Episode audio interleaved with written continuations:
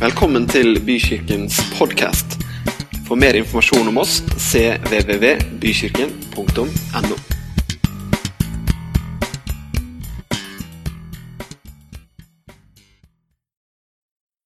Dere, Det er alltid en glede å kunne komme sammen og ikke minst da få dele noe som betyr noe for livene våre. Og aller først, før vi deler Herrens ord, så la oss bare be sammen. Og Du kan eh, be etter meg, eller du kan be inni deg, men vær med i denne bønnen. Kjære Jesus, takk for at du taler til meg. Takk for at du vil meg det beste. Og takk for at du har noe på ditt hjerte som du vil dele med meg. Amen. Amen. Dere, De siste to søndagene så har vi liksom starta året friskt med å snakke om å fortsette. Noen som husker det? Hvis ikke du husker det, så fins podkastene. De ligger der. Og Det er liksom ikke for å anbefale min egen stemme, men det er for å anbefale Guds ord. For vi har snakka om utrolig viktige ting i livet, nemlig at Bibelen snakker om at vi er på en vei. Snakker om at vi har begynt noe som skal fortsette. Vi har snakka om å fortsette i fellesskapet med Jesus. Husker dere det? Med Han som frelser og herre. Vi har snakka om å fortsette eh, i det helhjerta arbeidet. Fortsette å holde fast på nåden. Fortsette å elske hverandre inderlig.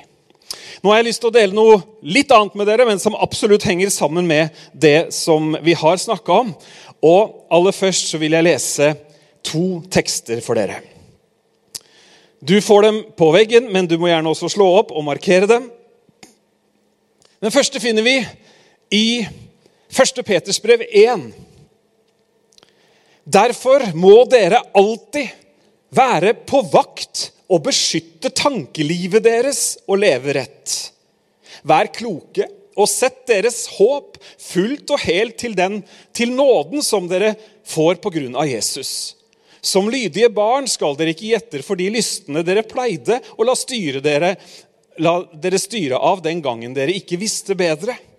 Men slik Han som kalte dere, er hellig, skal også dere være hellige i måten dere lever på. Det er skrevet, dere skal være hellige, for jeg er hellig. Og når dere ber til Gud, vår Far, så husk at Han ikke gjør forskjell på folk. Alle mennesker skal dømmes etter hvordan de har levd. Ta ikke lett på livet, for husk at deres egentlige hjemland ikke er her på jorden. Det var Peter. Og så skal du bli med meg i en annen tekst også. Dette er tekster som jeg kommer til å komme tilbake til mange ganger i løpet av formiddagen. Paulus skriver i Efeserbrevet 3.: Derfor bøyer jeg mine knær for Far, Han som har gitt navn til alt som kalles Far i himmel og på jord. Må Han som er så rik på herlighet, gi deres indre menneske kraft og styrke ved sin ånd. Må Kristus ved troen bo i deres hjerter, så dere kan stå rotfestet og grunnfestet i kjærlighet, må dere sammen med alle de hellige bli i stand til å fatte bredden og lengden, høyden og dybden. Ja, kjenne Kristi kjærlighet, som overgår all kunnskap. Må dere bli fylt av hele Guds fylde. Han som virker i oss med sin kraft, og kan gjøre uendelig mye mer enn det vi ber om og forstår. Han være ære i Kirken og i Jesus Kristus gjennom alle slekter. Amen. Du vet, Vi har snakka om å fortsette. Og Vi trenger ikke noe håndsoppretning, men jeg tror faktisk at hver eneste troende har et ønske om å fortsette livet, vandringen, fortsette å være i troen. Tror du ikke det stemmer?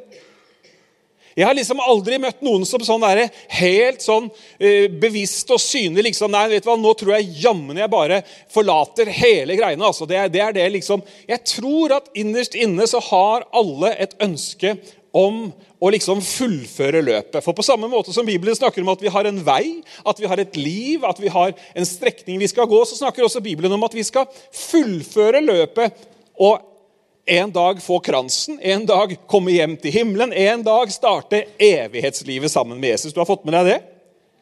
Det er bra. De fleste har fått med seg det, at denne, den, dette vi driver med, det har faktisk liksom et, et, en endestasjon, det har en evighet osv. I dag så har jeg lyst til å snakke om to ting som jeg tror virkelig er helt nødvendige for at du og jeg skal klare å ta steg for steg, dag for dag, sesong for sesong gjennom dette livet. To ting vi kunne sikkert snakka om flere ting, men i dag skal vi ta to ting. Vi får se om vi rekker å ta to ting. Vi skal, i hvert fall ta, vi skal i hvert fall starte på den første, så får vi se om vi kommer til den andre. Kanskje det blir neste søndag. Men i alle fall så er det to ting som jeg virkelig mener, ut fra Bibelen, at er helt nødvendige hvis du og jeg skal liksom fullføre løpet og bevare troen. Er du, er du interessert i å vite hva det er snakk om? Du skjønner, Det er nemlig sånn at det er visse ting som liksom er felles, og så har vi vår måte å møte ting på, og vi er i ulike situasjoner osv. Men det er to ting som gjennom hele Det nye testamentet så tydelig pekes på som viktige oppgaver for deg og meg som troende hvis vi skal oppleve å bli bevart. Det første leste jeg helt til å begynne med i det første skriftstedet. Derfor må dere alltid være på vakt å beskytte tankelivet deres. Tankelivet. Tankene, sinnet, hva vi tenker, har en utrolig stor innvirkning på livene våre. Visste du det? Tankene er ekstremt viktig, og Bibelen sier, og den snakker til mennesker som allerede er troende. Dette er skrevet til menighetene. Den snakker til mennesker som deg og meg, som har tatt imot Jesus. For det har vi jo, de aller fleste. Altså, nå kjenner jeg ikke alle som er her, men jeg tror de aller fleste har tatt imot Jesus. Men allikevel så får vi en oppmuntring, en påminner, en tydelig input om at du, pass på tankene dine. Beskytt tankene dine. Ja, men er jeg ikke frelst, da? Har jeg ikke begynt et nytt liv? Jo, du har det. Din ånd, Når du har tatt imot Jesus, så ble din ånd Husker dere vi snakka om det i fjor? Ånd, sjel og legeme. Så ble din ånd frelst. Ditt innerste åndelige vesen. Den, alt er i orden der. Du kan ikke gjøre noe som helst til og fra på det. Men det handler om at tankene våre de er en utfordring. Tankene våre kan ikke endre på hva Jesus har gjort. Men det kan, det kan endre hva du tenker om det Jesus har gjort. Skjønner du forskjellen? Du kan tenke deg grønn og blå. Verket på Golgata er ikke noe mindre fullbrakt av den grunn. Hallo? Ja, men jeg tenker, sier vi. Det er jo mer populært i dag å si at jeg tenker, enn at jeg syns og, og, og, og at jeg mener noe. Har dere merket det? Det er bare sånn jeg tenker i argumentasjonen. Og jeg tenker jo at det er slutt på den tiden da de sa 'jeg mener'. Det er noen som Hvem var det? Det var en eller annen sånn gammel eh, skuespiller som var litt irritert på det. Så tenkte jeg endelig, det er ikke bare meg som er lei av at alle tenker hele tiden. Men i alle fall, du kan tenke at Jesus ikke vant en evig seier. Du kan tenke det ene og det andre, men det endrer jo ikke at han har gjort det men det endrer din oppfatning av hva det han har gjort, betyr. Og Derfor så sier Bibelen at vi skal beskytte tankelivet vårt. Bibelen er til og med så ærlig at, det, at den sier at tankene våre de blir dratt hit og dit. Se hva det står i Jakob 4,7. Derfor skal dere underordne dere under Gud og gjøre det han vil. Stå imot djevelens fristelser og angrep, så vil han flykte fra dere. Hold dere nær til Gud, så skal han holde seg nær til dere. Be om tilgivelse og be om hans hjelp til å leve rent. Rens hjertet deres, dere som lar tankene og følelsene deres dra dere til begge sider. Kunne det vært sagt bedre? Har du noen gang merket at tankene eller følelsene dine kan dra deg både til den ene og den andre siden? Vær litt, sånn, litt sånn Kan vi ikke være såpass ærlige, da?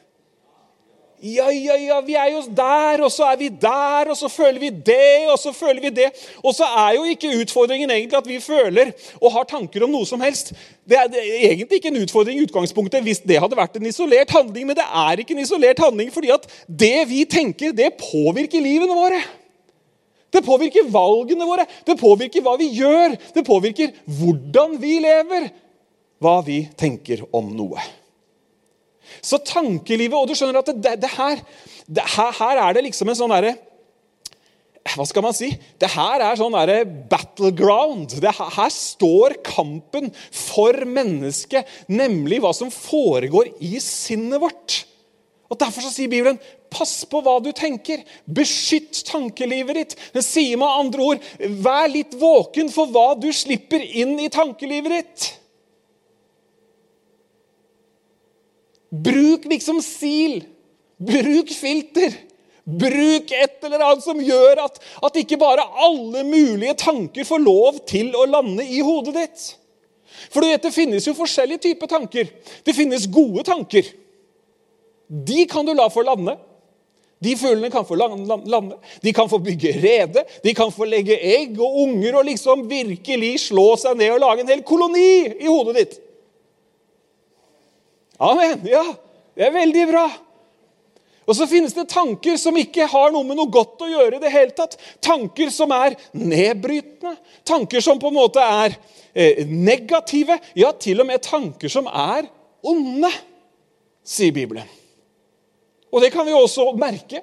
Vi kan merke det på et sånt skummelt nivå, men vi kan også merke det bare på et helt sånt vanlig menneskelig nivå, som handler om hvordan vi ser på oss selv, f.eks.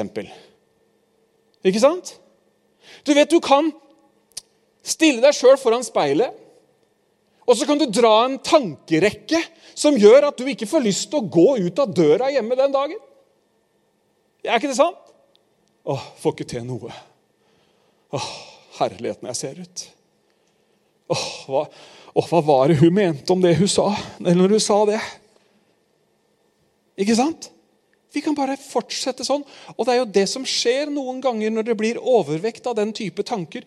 Så drar vi oss sjøl ned, og vi drar oss så langt ned at vi ikke evner Inger Lise snakka om tåka. Altså, Tåka blir så tjukk. Når jeg kjørte hit i dag, så så jeg ikke gjennom en rundkjøring engang. Så var tjukt var det på det tjukkeste.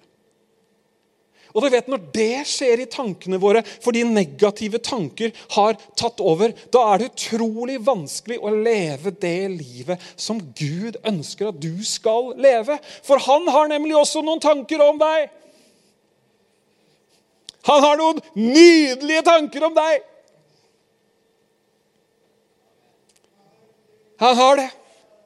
Han ser ned på deg og meg, og så tenker han Å, kjære min tid, åssen klarte jeg å lage noe så fint? Start, start, dagen i speilet med sånne ting, du. Å, herligheten, hvem kan stå imot denne mannen? pleier jeg å si når jeg ser meg i speilet.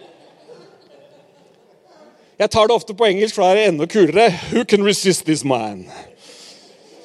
Oi, oi, oi. Gunnar gjør akkurat det samme. Han kjente seg igjen i det. Og så har Gud sånne tanker. Sånne, det står at han har tanker til fred for oss. Åh, nydelig. Godhetstanker. Han tenker at du er det fineste han har skapt. Han tenker at du er det mest dyrebare. Han tenker, og han sier at du er liksom skapt i hans bilde. Jeg mener, Hva slags bedre speilbilde kan du speile deg i da enn hans bilde? Men så er det jo ikke sånn at alle stemmene i hverdagen vår er som Guds stemme. Er det vel det? Det kan hende du er gift med noen som sørger for de negative tankene. Jeg sa ikke at jeg var det, jeg sa det kan hende du er. Det kan hende du har en kollega. Du er aldri bra nok. Det kan hende du har noen andre omgangsvenner. Om ikke de sier noe, du bare senser at du er liksom ikke helt bra nok i det hele tatt. Og så kan tankene spille deg et puss fordi at det de sier, det høres bedre enn det Gud sier. Og hvis du ikke hører på hva Gud sier, men bare hører på det de sier, jo, hva blir vi da? Da blir vi mismodige og deprimert, og vi mister livslysten, og vi har ikke noe framtids- og håpsvisjon i det hele tatt. Og det er alvorlig når det treffer oss som mennesker. Og vi har en fiende, sier Bibelen, og han prøver hele tiden. Hva var det han sa for noe? Har Gud virkelig sagt? Vi skjønner at han fienden han driver hele tiden, og han, han har liksom, det er hakk i plata. Han kommer med det samme. Har Gud egentlig sagt? Har Gud virkelig sagt? Har Gud lovt? Er det virkelig sånn? Kampen står i sinnet vårt. Det står i tankene våre. Og Derfor er det så utrolig viktig at du og jeg beskytter tankelivet vårt, skriver Peter om her. Beskytt tankelivet. Bibelen snakker om at vi skal ha et annet Eller at vi skal ha samme sinn som Jesus. Tankene er redskapet som styrer handlingene våre. Det styrer vårt syn på oss selv, og det styrer også synet på de rundt oss. Hvordan kan vi beskytte tankelivet? Nå har jeg sagt at tankelivet det er viktig for at du og jeg skal bevare troen. Utvikle oss, vokse i disippelskapet, vokse i etterfølgelsen av Jesus. Hvordan kan vi da bevare tankelivet? Hvordan kan vi beskytte tankelivet? Skal vi lage oss en skikkelig betongbunker og sørge for at ingenting kommer inn? Verken stråler eller nyheter?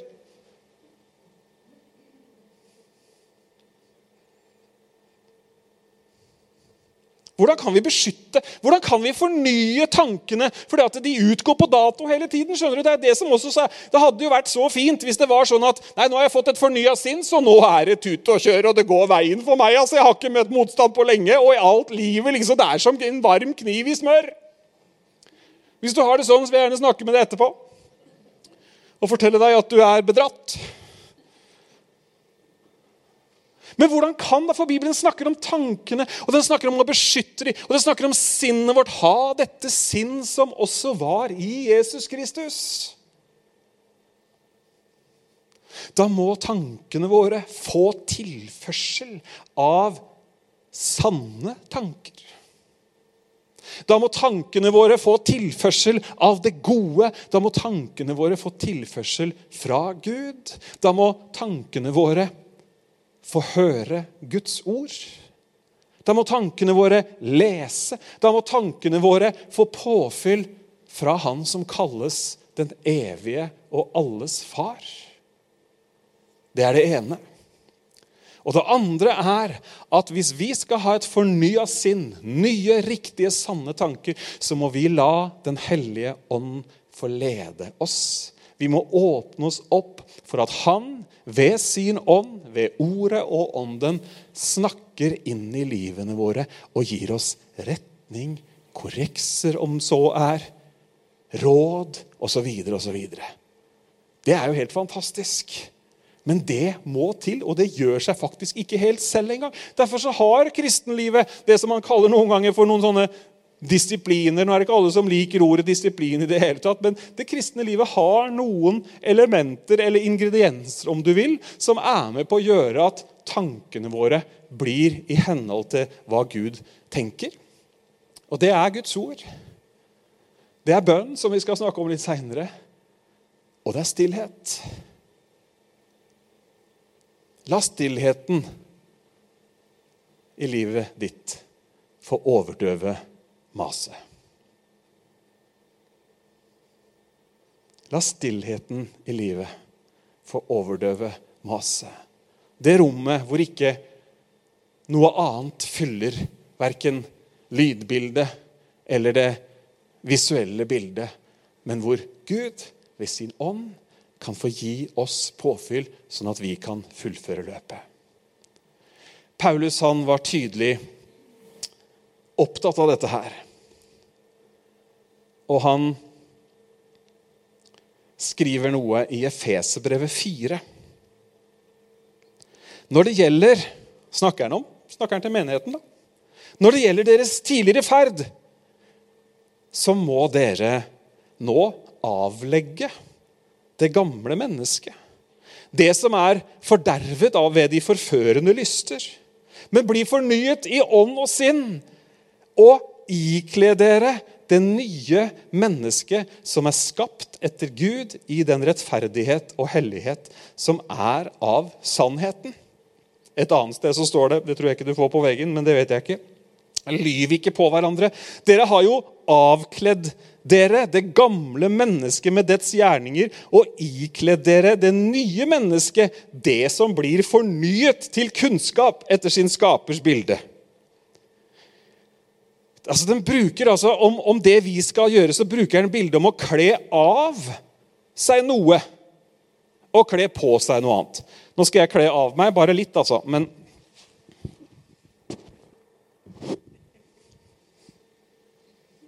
Det var sånn de så ut i Efesus. Det var dette som var bakgrunnen for at Paulus sa ja, men dere må ta av dere det der. Det er jo fra fortiden. Og det kan du jo se, at denne er fra fortiden. Den er litt fra nåtiden nå, da, men nå får, jeg, nå får jeg ikke lov til å bruke den lenger.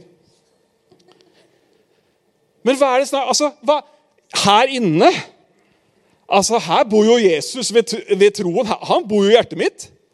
Du tror ikke at jeg er frafallen fordi jeg tok på meg den jakka? Noen ble veldig tvilende.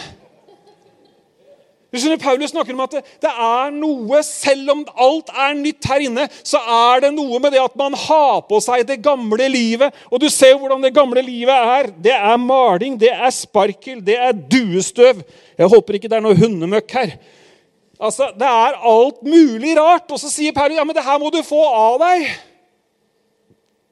Og Det er det som er poenget mitt med det jeg snakker om i dag. Dette skjer ikke ved en håndspåleggelse på en gudstjeneste.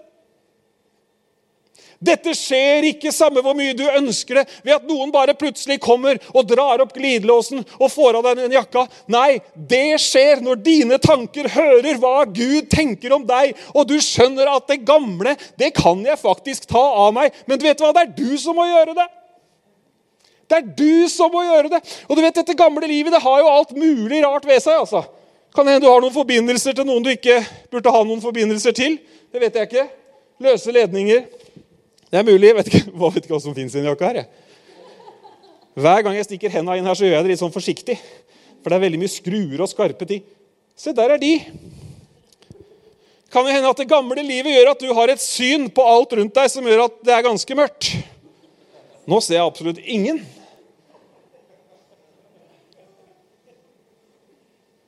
Men hvis jeg gjør sånn, da ser jeg stråleglansen fra alle gloriene her i forsamlingen. Det, ikke sant? det gamle livet kan jo ha så mye rart. Hansker, ja, det er jo stort forbruk av hansker. Men du vet Oi, det er den. Den duger jo ikke i det hele tatt. Den trodde jeg egentlig hadde kasta. Funker jo ikke i det hele tatt. Altså, en krok, ja. Hender jo at man henger fast i et og annet. Skjønner hvorfor han skal kle av det gamle livet. Oi, og det var enda en krok. Jeg trenger egentlig noen sånne her de er. Ikke du ta med de etterpå, Julia, sånn at vi får de med hjem. Eller så kan det være da, at du har noen sterke bindinger til et eller annet. ikke sant? Så sier han nei, få det av! Bort! Det var veldig mye det var inni her. Hva er dette for noe? Montasjemateriell. Stamme, gondolsdag, skruing i stamme Ja, ikke sant? Altså, det kan jo være noen gamle instrukser da, som tilhører det gamle livet, noen gamle tankemønstre om at det er sånn du skal gjøre ting. ikke sant? Men så sier han Å, kle deg av, folkens! Du hjelper meg å dra litt i den, så jeg får den av, liksom. Ah, for det kan hende du trenger vet du, hjelp til å liksom få det av. Det hadde passa med en applaus, men det var ingen som tenkte på. Fordi at nå var det nå var det avkledd, ikke sant? Nå var det borte. Men så sier han ikke at du skal stå der som en kylling uten fjær. Han sier nemlig, 'Ikle dere den nye mennesket'. Amen. Den her er jo ikke ny, da, men sammenligna med den andre så er den kjempeny. Så sier han, 'Ta på dere det nye mennesket'. Det som fortsatt er vannavisene. Det som tåler litt vind. Amen. Det som liksom gjør at du ser og føler deg Jeg føler meg mye bedre jeg nå. Helt sant. Takk skal du ha. Det er jo det samme der inne. Men poenget er at når man kler på seg tankene Gud har om oss, så føler vi oss bedre, og så har vi bedre, og så blir det en annen letthet i steget, og så klarer vi å bevege oss framover og gjøre det vi er kalt til å gjøre. Amen! Ikle dere det nye mennesket. Det som er så rart med den der Jeg tror egentlig at jeg kasta den i hvert fall to ganger. Det er ikke tull engang. Jeg har tenkt den sekken ut den jakka. Og jeg husker en gang Det er fælt å si det, men en gang så hadde jeg kasta den. Den lå i søppelbøtta. Og så gikk jeg ut og henta den opp igjen. Det får jeg egentlig ikke lov til. Men jeg trengte liksom den jakka da, for jeg skulle i berøring med et eller annet som var møkkete og klinete. eller et eller annet, Og da er det jo bare å få på seg et eller annet som du liksom, ja, det duger sikkert et eller annet. Så jeg henta den på meg. Tok den på meg igjen. Og vet du hva? Vi har flytta den, til og med blitt med på flyttelasset. Det er for meg en gåte. Men det sier så utrolig mye om hvor godt det gamle henger med. Det er sikkert Herren som har latt den bli med for at det skulle bli en god illustrasjon. Den passer jo ikke engang. Den er jo liksom, den er så stor at jeg kan jo ha en unge på innsida. Og ganske mye i lommene, som du ser. Hvorfor? Det henger så lett ved oss. Derfor så sier brevbrevets forfatter La oss da legge av oss synden. La oss da legge av oss det som så lett henger fast i oss, og løpe med utholdenhet. Hm. Ta av det gamle. Og Nå snakker ikke jeg til noen spesielle her i dag, men jeg har lyst til å snakke om det, de tingene jeg snakker om nå. Fordi at jeg tror vi går inn i en tid hvor det er så utrolig mye viktigere enn noen gang at vi snakker om det som har med det innerste av det innerste i våre menneskeliv og i våre trosliv, sånn at vi kan stå stødig. For hva hjelper det da hvis vi klarer å lage en happy-clappy søndag? Hvis det er liksom futt i det ene og futt i det andre, men så er det sånn at alle tar på seg den gamle jakka når man går ut igjen? Hva hjelper det? Den der Jeg kommer jo til, å dø til slutt av den jakka der. Den holder jo ikke mål lenger i det hele tatt. Men potensialet i den nye skapningen Derfor, sier Paulus, hvis noen er i Kristus, hva er han da? Da er han en Ja, og hva har skjedd med det gamle? Det er borte, og alt har blitt nytt, ja! Fantastisk! Å ta det inn i identiteten, å ta det inn i tankene, det garanterer jeg at kommer til å revolusjonere enhver mandag morgen.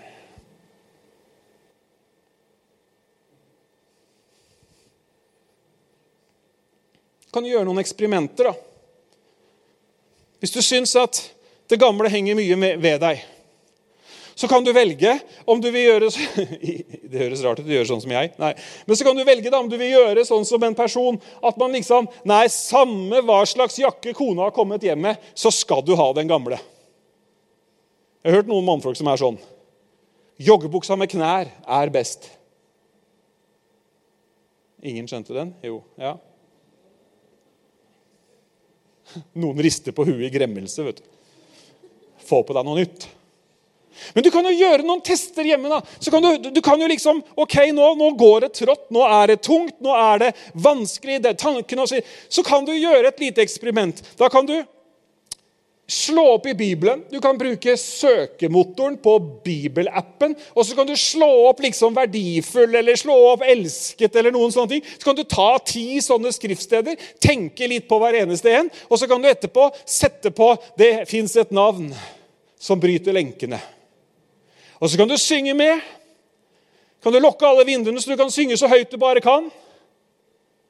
Da skal jeg like å prate med deg hvis ikke det har gjort noe med tankene dine. Okay? Det er veldig dyp teologi her. Det er kjempedyp teologi det jeg snakker om. Dette er dypere enn mange noen gang har vært. skal jeg si det.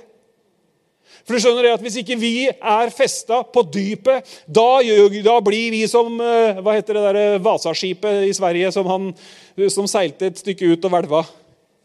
Du husker det? Jo, dere husker det. Det var jo han derre Det er Vasaskipet, ja. Det var jo bygd så stort og flott og liksom for å liksom få plass til nok fine ting på toppen nok fine ting på Instagram, så tok de ut liksom ballast i bånn, og så var det en drøy kilometer ut, og så kom det bitte litt vind, og så tippa det. Det er jo ikke sånn Gud vil. Nei, Han sier at det skal være rotfestet, grunnfestet, at vi skal stå stødig, at vi ikke skal la oss drive fra side til side, men nei, at vi skal bli stående gjennom alt. Amen. Herlig. Hva er klokka? Ja. Vi må gå videre. Vi tar med et par skrivsteder. Skikk dere ikke Nei, jeg skal ta en annen versjon. Hverdagsbibelen. La dere ikke påvirke Romerne 12,2. La dere ikke påvirke av denne verdens tenkemåte, Men kan det sies klarere sørg for at dere stadig får himmelske impulser. La Gud påvirke deres måte å tenke på, slik at dere til enhver tid det står ikke noen ganger engang, men slik at dere til enhver tid kan vurdere hva som er Guds vilje med deres liv, det gode, det som gleder, eh, gleder Gud, det fullkomne. Peter han fortsetter og sier et annet sted i, i, i det første brevet sitt, 1.13.: Spenn derfor beltet om livet. I den gamle oversettelsen så sto det 'bind opp om deres sinns hofter'. Altså, bind det er jo herlig uttrykk. liksom, det er sånn, Ok, hvis, eh, hvis, sinnet har noen hofter, så strammer vi et belte rundt i hoftene, og så holdes alt sammen. ikke sant? Men spenn beltet om livet, vær våkne, beredt i tanke og sinn. Sett håpet fullt og helt, fullt og fast til den nåde dere skal få når Jesus Kristus åpenbarer seg. I andre korinterbrev så setter Paulus tydelige ord på den kampen som foregår i tankelivet vårt. Han sier det rett ut. 2. Korinterbrev 10, 3-6. Vi lever i en kamp. Selv om vi er vanlige mennesker, så kjemper vi ikke denne kampen på verdens premisser. For de våpnene vi bruker, de er ikke noe vi henter fra oss selv.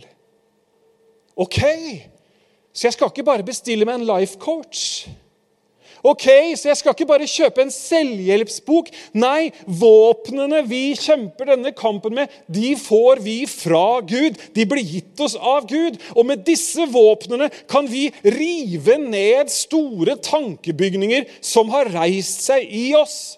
Vi bryter ned stolte argumenter og alt som går imot vår kunnskap om Gud.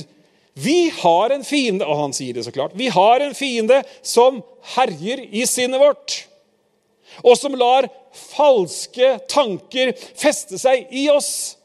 Men med Guds hjelp Elsker denne setningen.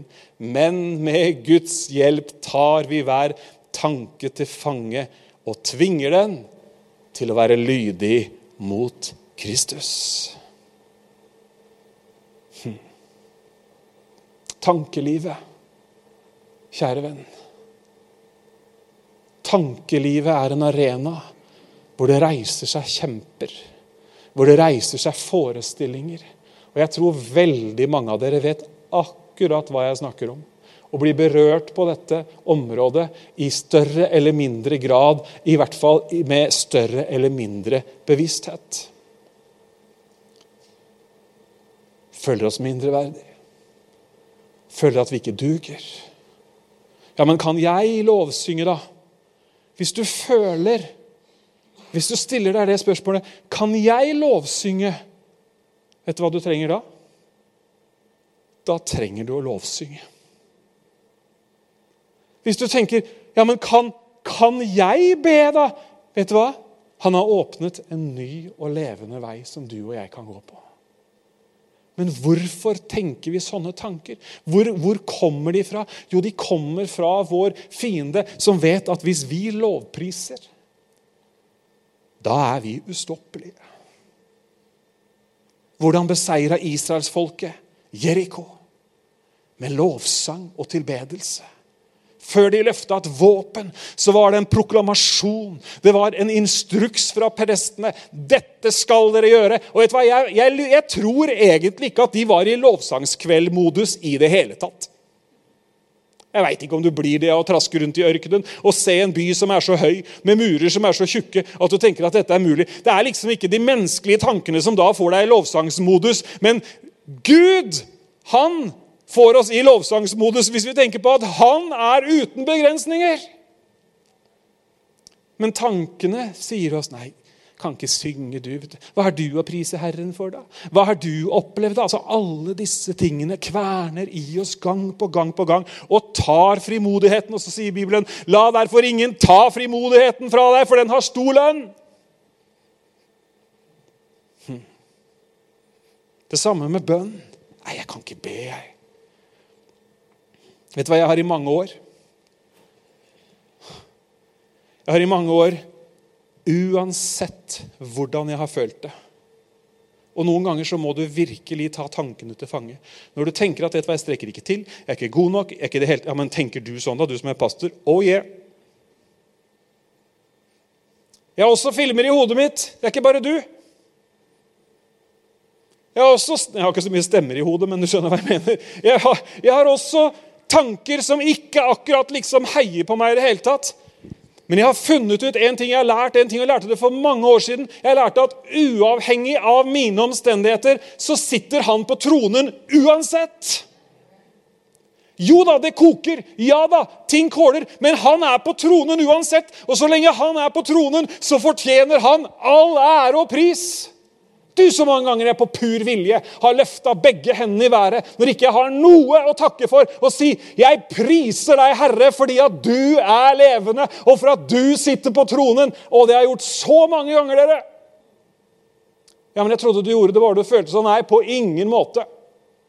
Du føler ikke for det hvis du står opp klokka seks om morgenen i det hele tatt. I dag lå jeg litt lenger, da. Jeg var, jeg var så groggy. Klokka var sju og liksom opp og be og det ene og det andre.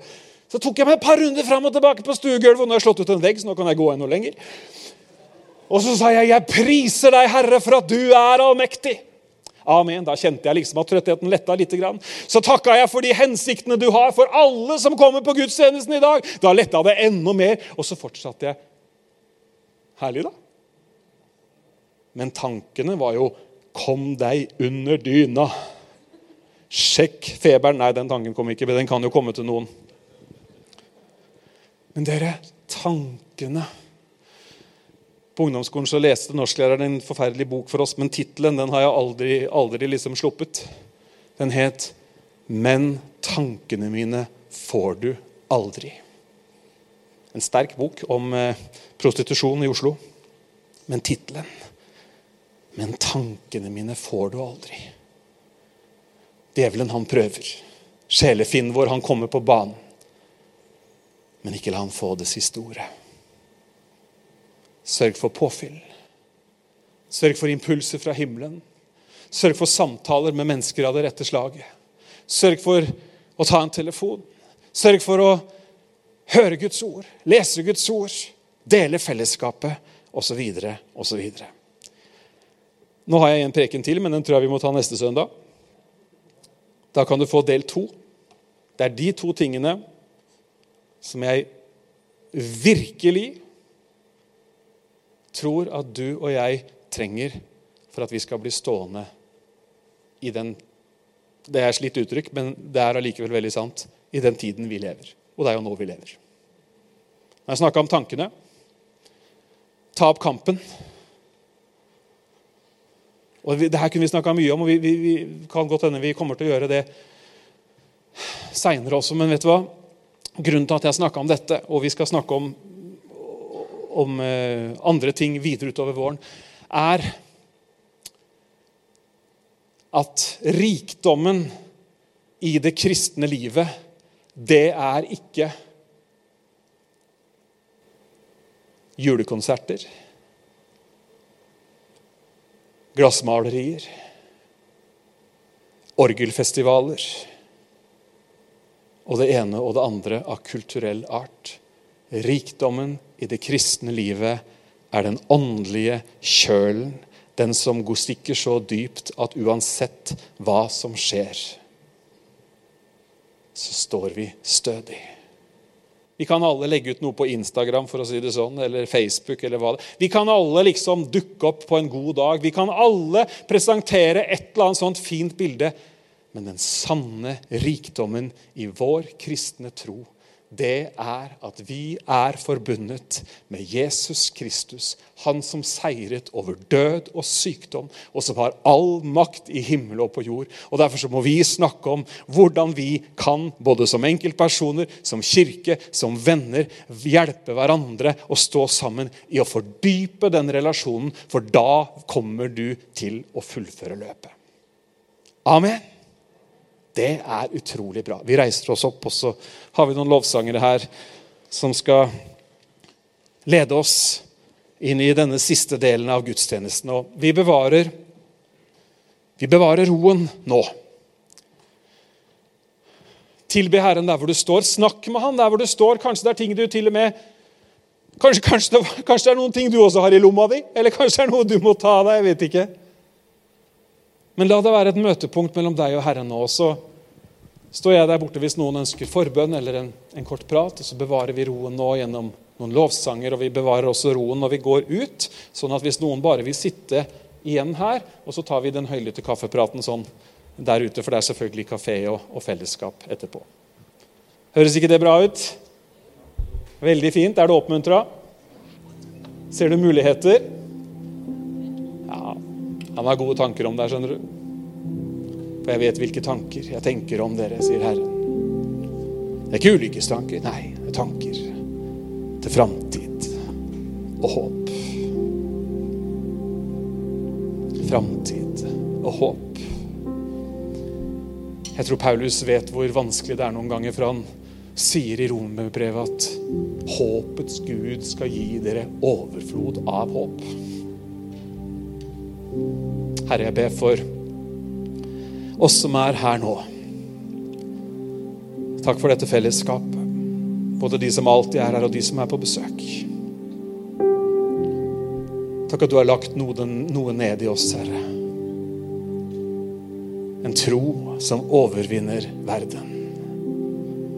En kjøl som stikker så dypt at vinden ikke kan hvelve oss. Herre, jeg ber om at det skal lykkes.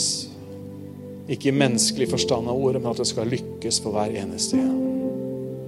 At hver eneste en skal holde seg nær til deg, så skal du holde deg nær til dem. Velsign med mann og kvinne, gutt og jente. I Jesu navn. Amen.